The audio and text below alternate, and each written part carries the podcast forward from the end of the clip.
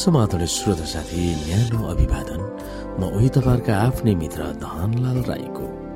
श्रोता साथी आज म तपाईँको बीचमा बाइबल सन्देश लिएर आएको छु।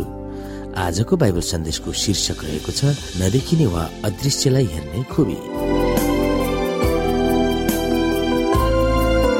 श्रोता साथी हामीले यस नदेखिने वा अदृश्यलाई हेर्ने खुबी भन्ने बाइबल सन्देशमा अध्ययन गर्नुपर्ने बाइबलीय पदहरू रहेको छ।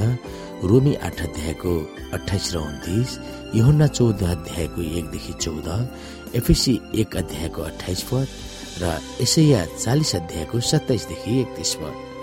हामीले नदेखिने वा अदृश्यलाई हेर्ने खुबी भन्ने बाइबल सन्देशमा सम्झनु पर्ने पद अथवा मेमोरी गर्नुपर्ने बाइबलीय भर्स रहेको छ हिब्रू एघार अध्यायको सत्ताइस पद।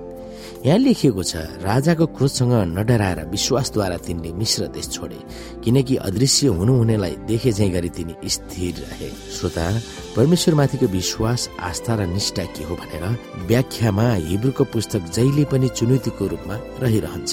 अब विश्वास चाहिँ आशा राखिएका कुराको निश्चय र नदेखिएको कुराको दृढ भरोसा हो। हिब्रू एघारको एक। हामीले नदेखेका कुराहरू सत्य हुन् भनेर कसरी ठोकुवा गर्ने? तर मोसाको मामिलामा त्यसको ठ्याक्क चित्रण गरेको छ। अदृश्य हुनुहुनेलाई देखे जाइ गरी तिनी स्थिर रहे वा अनवरत प्रयत्न गर्दै अगाडि बढिरहे। हिब्रू एघार अध्यायको सत्ताइस पदबाट रूपान्तरण गरिएको हो। नदेखिने परमेश्वरलाई हेरिरहनु भन्ने निर्देशन त झन चुनौतीपूर्ण छ। अझ सबै कुरो ठिक ठिक र हाम्रो इच्छा अनुसार चलेको बेलामा मात्र होइन सबै थोक प्रतिकूल वा नराम्रो भइरहेको बेलामा पनि उहाँलाई हेरिरहनु पर्छ। यसको निम्ति हामीलाई विश्वास र आस्था चाहिन्छ। त्यो पनि कुनै मानवीय विश्वास होइन। यसुको विश्वास हामीमा हुनुपर्दछ। हामीमा भएको विश्वासलाई प्रभुको र उहाँको राज्यको बारेमा भएको सत्यले आकार दिनुपर्दछ। हामीप्रति परमपिताको हित यसुको नवमा शक्ति यसुको पुनरुद्धारणको शक्ति र परमेश्वरको करुणा जस्ता केही महत्वपूर्ण सत्यहरू हामीमा हुनुपर्दछ। यदि तिनीहरू हाम्रो दिमागमा गाँसिरहन सक्यो भने कुनै पनि प्रतिकूल परिस्थिति अग्निहोत्र र सबै थोक शङ्का गर्ने मनस्थितिबाट हामी जोगिएर बस्न सक्दछौ। जीवनमा भीषण परिस्थितिको सामना गरिरहेको बेलामा प्रभुको बारेमा के सत्यहरूलाई आत्मसात गरिराख्नुपर्छ जसले गर्दा डरलाग्दो परिस्थितिबाट हटेर होइन डटेर सामना गर्ने क्षमता हामीमा हुन सक्दछ। श्रोत साथी आफ्नो निर्वासित जीवनबाट प्रभु लुक्नु भएको छ भन्ने आवाज पाउने अर्को समूह थियो। त्यो समूह स्तरको पुस्तकमा पाइन्छ। यस पुस्तक बाइबलमा समावेश भए तापनि परमेश्वरको नाउँ एक ठाउँमा पनि उल्लेख गरिएको छैन।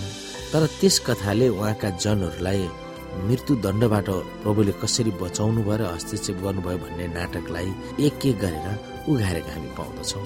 यस पुस्तकले विगतका मानिसहरूको अनुभव मात्र होइन प्रतीकको रूपमा प्रभुका जनहरूले भविष्यमा सतावटको सामना गर्नुपर्नेछ र तिनीहरूको सर्वनाशको निम्ति अनेकौं मृत्युदण्डको घोषणा लादिनेछ भनेर प्रस्तुत गरिएको छ। त्यस्तो विषम भयानक आतत्यायी र पीडादायी परिस्थितिमा परमेश्वर करोडौँ माइल टाढा लुकिरहनु भएको छ र तिनीहरूलाई त्याग्नु भएको छ भन्ने भावनाले सताउने के अनौठो मान्नु पर्दछ।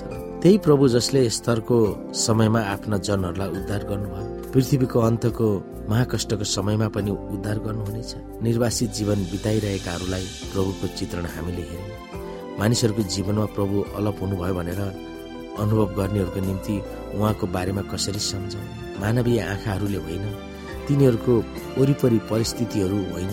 न त अरूहरूलाई प्रभुले के गर्नुभयो वा गर्नु भएन भन्ने निष्कर्षमा होइन। तर आत्मज्ञान र विश्वासको आँखाले प्रभुलाई हेर्ने खुबीको विकास कसरी गराउने त्यो विषयमा हामी सोच्न सक्दछौँ।